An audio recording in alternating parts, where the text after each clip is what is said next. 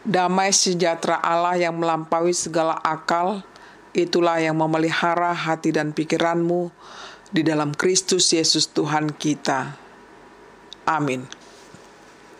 Ibu bapak, saudara-saudariku yang dikasih Tuhan Yesus Kristus, nas khotbah pada minggu ke-8 setelah Trinitatis terambil dari kitab Keluaran pasal 23 ayat 1 sampai 9.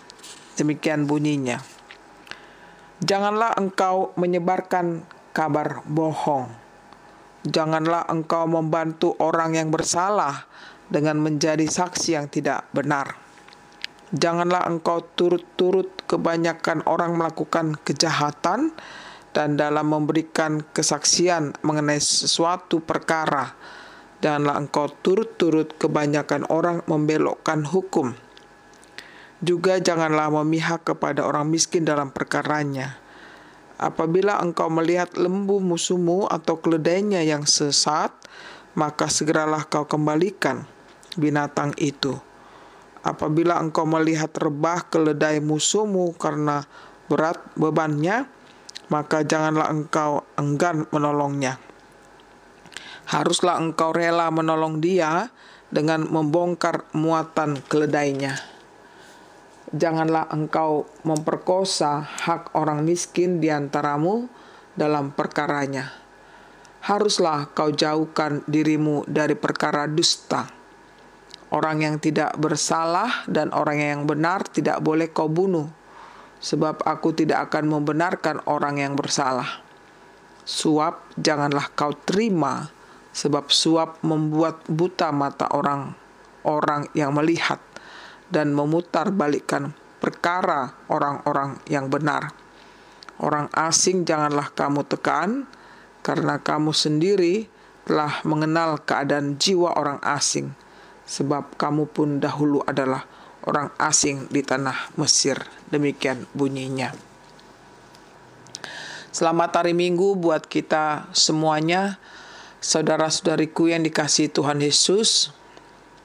Suap dan korupsi adalah dua kata yang tidak enak didengar, tapi acap kali dilakukan orang, bagaikan dua mata uang yang tak terpisahkan. Di mana ada suap, maka di situ ada korupsi. Sebaliknya, di mana ada korupsi, di situ ada suap. Padahal perlawanan terhadap pelaku suap dan korupsi sudah sejak dulu kala ditetapkan oleh Tuhan. Namun pertanyaannya saudaraku adalah mengapa hingga kini masih terus terjadi dan merajalela di mana-mana, baik itu di pemerintahan maupun di gereja sekalipun. Apakah manusia telah kebal hukum atau aturan peraturan yang berlaku? Seakan-akan manusia tidak takut lagi untuk melakukan kejahatan tersebut, hanya untuk nafsu serakah, ambisiusnya untuk mencapai cita-cita. Inilah yang harus dikecam para pelaku suap dan korupsi itu, karena sudah merusak tatanan kehidupan yang dikehendaki Tuhan. Sebagaimana bangsa Israel yang telah diselamatkan Tuhan dari perbudakan di Mesir perbudakan itu merupakan pemunahan kehidupan. Namun tangan kasih Tuhan menolong mereka keluar dari kehidupan yang gelap kulita. Tuhan hendak menegakkan keadilan dan kebenaran supaya mereka hidup dalam rancangan Tuhan, bukan rancangan manusia. Tuhan hendak memulihkan kehidupan mereka sesungguhnya, agar mereka sama-sama menikmati buah dari keadilan dan kebenaran itu sendiri. Dalam nats ini dibicarakan tentang kabar bohong, jangan membantu orang yang tidak bersalah dengan menjadi saksi yang tidak benar, jangan melakukan kejahatan, membelokkan hukum, jangan melakukan suap, dan lain-lain. Semua yang diperintahkan Tuhan dalam nats ini menjadikan manusia agar turut pada kehendaknya, bukan turut apa kehendak dirinya atau manusia. Jadi, apa yang hendak dilakukan oleh manusia agar seturut kehendak Tuhan yang pertama? Katakan yang sejujurnya. dan jauhilah saksi dusta. Saudaraku, kejujuran adalah yang utama dalam hidup ini. Bila kejujuran itu sudah dipegang oleh seseorang itu, maka kebenaran itu ada padanya. Demikian berkata jujur sangat dikendaki Tuhan, bukan? Ada perkataan dalam Matius 5 ayat 37. Jika ya, hendaklah kamu katakan ya. Jika tidak, hendaklah kamu katakan tidak. Perkataan yang jujur adalah membenci kebohongan dan yang pasti memiliki resiko atau konsekuensi. Misalnya, dibenci orang lain, dijauhi orang lain, dan tidak disukai orang lain. Sehingga tidak banyak orang berani mengatakan kebenaran itu di mana-mana, termasuk di tengah pengadilan itu sendiri. Demikian juga mengucapkan saksi dusta terhadap sesama. Saudaraku, di era digital ini, manusia condong memakai Facebook, WhatsApp, Twitter, Instagram seenak perutnya, menuliskan sesuka hatinya. Padahal tulisannya itu sudah menyinggung orang lain, perasaan orang lain, merusak nama baik orang lain, memfitnah, mencemarkan nama baik. Sebagaimana pepatah mengatakan, bagai lidah tak bertulang, tak terbatas kata-kata. Lain di bibir, lain di hati. Orang yang melakukan demikian sebenarnya adalah cerminan dari hati yang busuk, pikiran yang rusak, Perilaku yang demikian jauh dari kehidupan anak-anak Tuhan. Tuhan memanggil kita hidup yang benar dan adil. Bila ada di antara kita melakukan ketidakjujuran dan berkata dusta, agar tidak melakukannya lagi, karena perlakuan demikian sangat bertentangan dengan hukum kasih Tuhan. Yang kedua, menolong sesama. Saudaraku, Betapa luar biasanya peraturan yang ditetapkan Tuhan pada ayat 4 sampai 5, yakni implementasi kasih sesama sampai hal yang sekecil-kecilnya digambarkan di sini. Sampai-sampai lembu musuh atau keledainya yang sesat ikut diperhatikan membawanya kembali. Demikian juga membantu meningkatkan berat beban yang dipikul oleh keledai musuh dari uraian di atas, saudaraku, maka dapatlah disimpulkan agar kita mengasihi sesama dan musuh sekalipun. Inilah yang sulit untuk dilakukan. Sedangkan mengasihi sesama yang sudah satu perut sekalipun, bersaudara, belum bisa sepenuhnya mengasihi mereka. Apalagi musuh itu sendiri. Mengapa ini penting dilakukan? Karena kita mengasihi orangnya, bukan kesalahannya. Perilaku kita tidak boleh dipengaruhi oleh kebencian dan permusuhan terhadap orang lain yang sedang membutuhkan pertolongan. Sebagaimana Kristus mengasihi kita dengan tanpa pamrih, Kristus telah menebus dosa-dosa kita agar hidup kita dalam damai. Kita bisa lihat dalam Matius 5 ayat 9. Yang ketiga, lindungilah hak orang miskin. Masalah kemiskinan tidak pernah berhenti dari permukaan bumi, bukan? Pertanyaannya, mengapa demikian? Ada beberapa faktor penyebab. Sumber penghasilan tidak stabil, keuangan tidak terencana, tingkat pendidikan rendah, keterampilan kurang memadai, pasrah dengan keadaan. Untuk mengatasinya maka dibutuhkan keseriusan pemerintah mengangkat hak orang miskin. Dalam Undang-Undang pasal 34 berbunyi, fakir miskin dan anak-anak yang terlantar dipelihara oleh negara. Salah satu haknya adalah memperoleh pelayanan perumahan yang layak dan sehat. Namun pertanyaan, mengapa masih banyak anak-anak jalanan Orang-orang gelandangan tidur di emper-emper toko. Mereka tidak memiliki pekerjaan sebagaimana orang lain yang memiliki pekerjaan. Oleh karena itu, diperlukan kehadiran gereja bagi orang miskin agar hidup mereka tidak miskin lagi. Keempat, jauhkanlah suap dan korupsi. Jauhkan suap dan korupsi. Sebagaimana topik minggu ini agar melawan suap dan korupsi. Sebagai jemaat yang taat pada firman Tuhan, maka berjuang melawan suap dan korupsi. Melihat perkembangan korupsi di Indonesia semakin meningkat, bagi banyak orang korupsi bukan lagi merupakan pelanggaran hukum, melainkan sudah menjadi kebiasaan. Mantan Presiden Republik Indonesia almarhum Gus Dur pernah mengatakan bahwa korupsi masih menjadi budaya, diberantas di bibir dan dikerjakan oleh yang punya bibir. Tepat sekali pernyataan itu, karena praktek korupsi utamanya adalah suap. Oleh karenanya, marilah saudaraku kita menolak pelaku suap dan korupsi dari diri kita sendiri dan orang lain. Tindakan suap dan korupsi adalah tindakan kejahatan yang bertentangan firman Tuhan. Amin. Marilah kita berdoa. Ya Tuhan, ajarlah kami untuk menjunjung tinggi kebenaran dan keadilan sesuai dengan firman-Mu saja, agar kehidupan kami dipenuhi dengan damai, aman, dan sejahtera. Tuhan, lindungilah kami dari orang-orang yang menyusahkan hidup kami. Kiranya Tuhan turut serta menolong para pemerintah kami untuk memberantas pelaku suap dan korupsi yang terutama beredar di tengah-tengah Indonesia ini. Kami juga mau Tuhan untuk Engkau perbaharui agar hidup kami jauh daripada suap dan korupsi.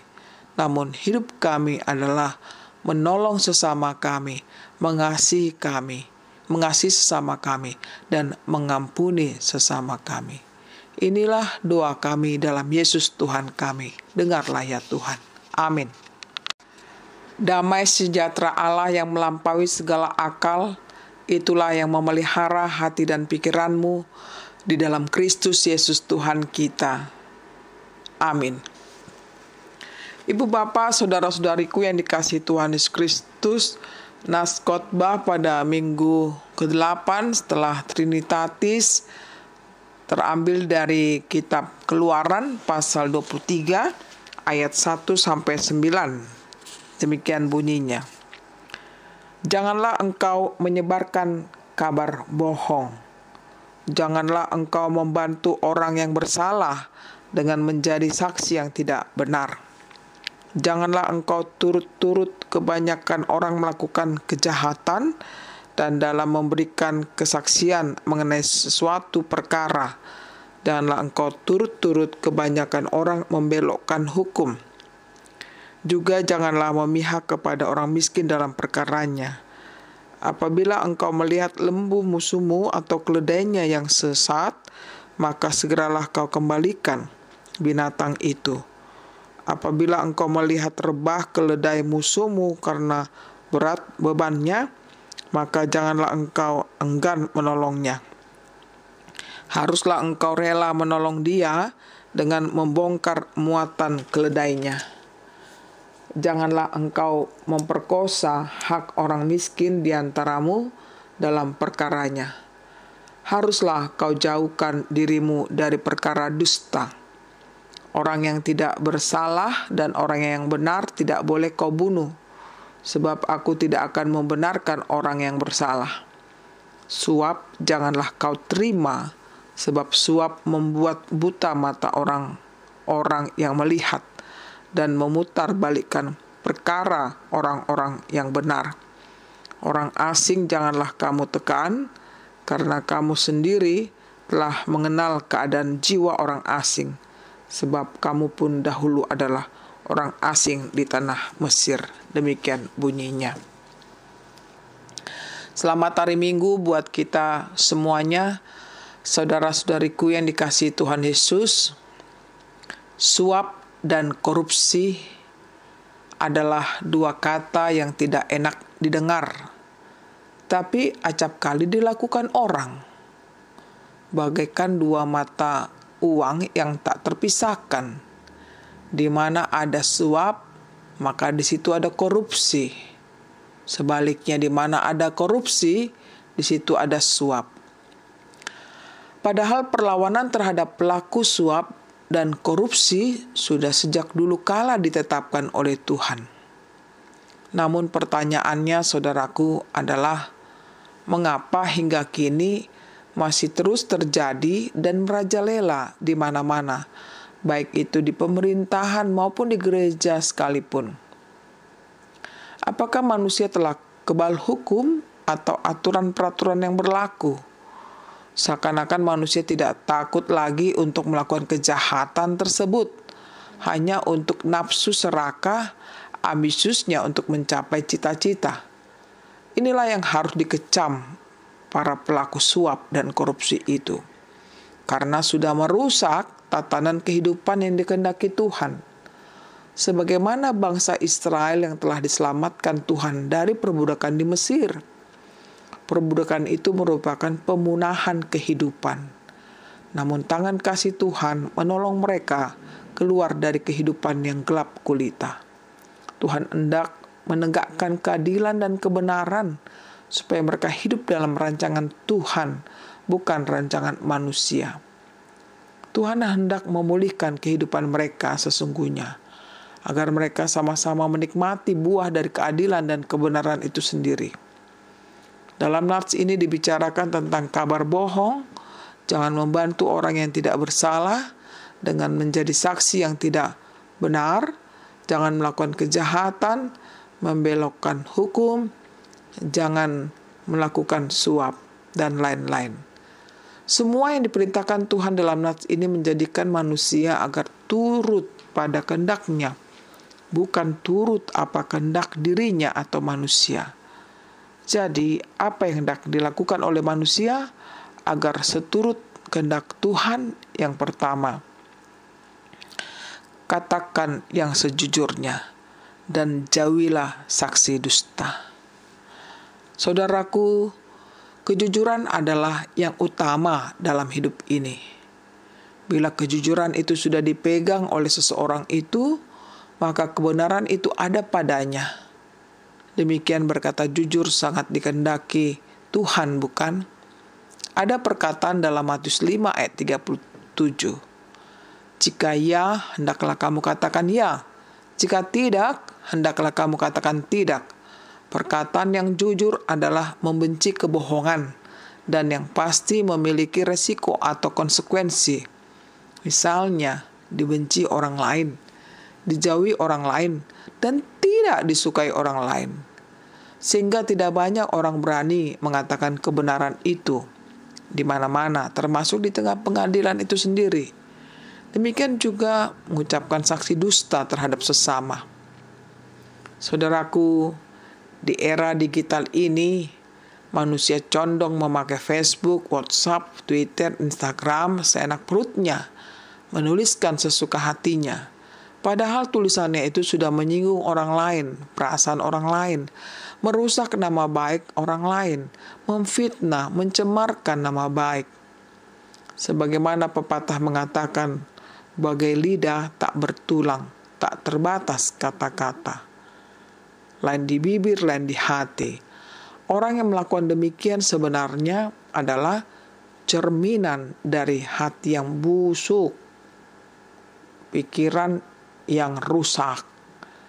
Perilaku yang demikian jauh dari kehidupan anak-anak Tuhan. Tuhan memanggil kita hidup yang benar dan adil. Bila ada di antara kita melakukan ketidakjujuran dan berkata dusta, agar tidak melakukannya lagi karena perlakuan demikian sangat bertentangan dengan hukum kasih Tuhan. Yang kedua, menolong sesama. Saudaraku, betapa luar biasanya peraturan yang ditetapkan Tuhan pada ayat 4 sampai 5, yakni implementasi kasih sesama sampai hal yang sekecil-kecilnya digambarkan di sini. Sampai-sampai lembu musuh atau keledainya yang sesat ikut diperhatikan membawanya kembali. Demikian juga membantu meningkatkan berat beban yang dipikul oleh keledai musuh. Dari uraian di atas, saudaraku, maka dapatlah disimpulkan agar kita mengasihi sesama dan musuh sekalipun. Inilah yang sulit untuk dilakukan. Sedangkan mengasihi sesama yang sudah satu perut sekalipun, bersaudara, belum bisa sepenuhnya mengasihi mereka. Apalagi musuh itu sendiri Mengapa ini penting dilakukan? Karena kita mengasihi orangnya, bukan kesalahannya. Perilaku kita tidak boleh dipengaruhi oleh kebencian dan permusuhan terhadap orang lain yang sedang membutuhkan pertolongan. Sebagaimana Kristus mengasihi kita dengan tanpa pamrih, Kristus telah menebus dosa-dosa kita agar hidup kita dalam damai kita bisa lihat dalam Matius 5 ayat 9. Yang ketiga, lindungilah hak orang miskin. Masalah kemiskinan tidak pernah berhenti dari permukaan bumi, bukan? Pertanyaannya mengapa demikian? Ada beberapa faktor penyebab. Sumber penghasilan tidak stabil, keuangan tidak terencana, tingkat pendidikan rendah, keterampilan kurang memadai, pasrah dengan keadaan. Untuk mengatasinya maka dibutuhkan keseriusan pemerintah mengangkat hak orang miskin. Dalam Undang-Undang pasal 34 berbunyi, fakir miskin dan anak-anak yang terlantar dipelihara oleh negara. Salah satu haknya adalah memperoleh pelayanan perumahan yang layak dan sehat. Namun pertanyaan, mengapa masih banyak anak-anak jalanan Orang-orang gelandangan tidur di emper-emper toko. Mereka tidak memiliki pekerjaan sebagaimana orang lain yang memiliki pekerjaan. Oleh karena itu, diperlukan kehadiran gereja bagi orang miskin agar hidup mereka tidak miskin lagi. Keempat, jauhkanlah suap dan korupsi. Jauhkan suap dan korupsi. Sebagaimana topik minggu ini agar melawan suap dan korupsi. Sebagai jemaat yang taat pada firman Tuhan, maka berjuang melawan suap dan korupsi. Melihat perkembangan korupsi di Indonesia semakin meningkat, bagi banyak orang korupsi bukan lagi merupakan pelanggaran hukum, melainkan sudah menjadi kebiasaan. Mantan Presiden Republik Indonesia almarhum Gus Dur pernah mengatakan bahwa korupsi masih menjadi budaya, diberantas di bibir dan dikerjakan oleh yang punya bibir.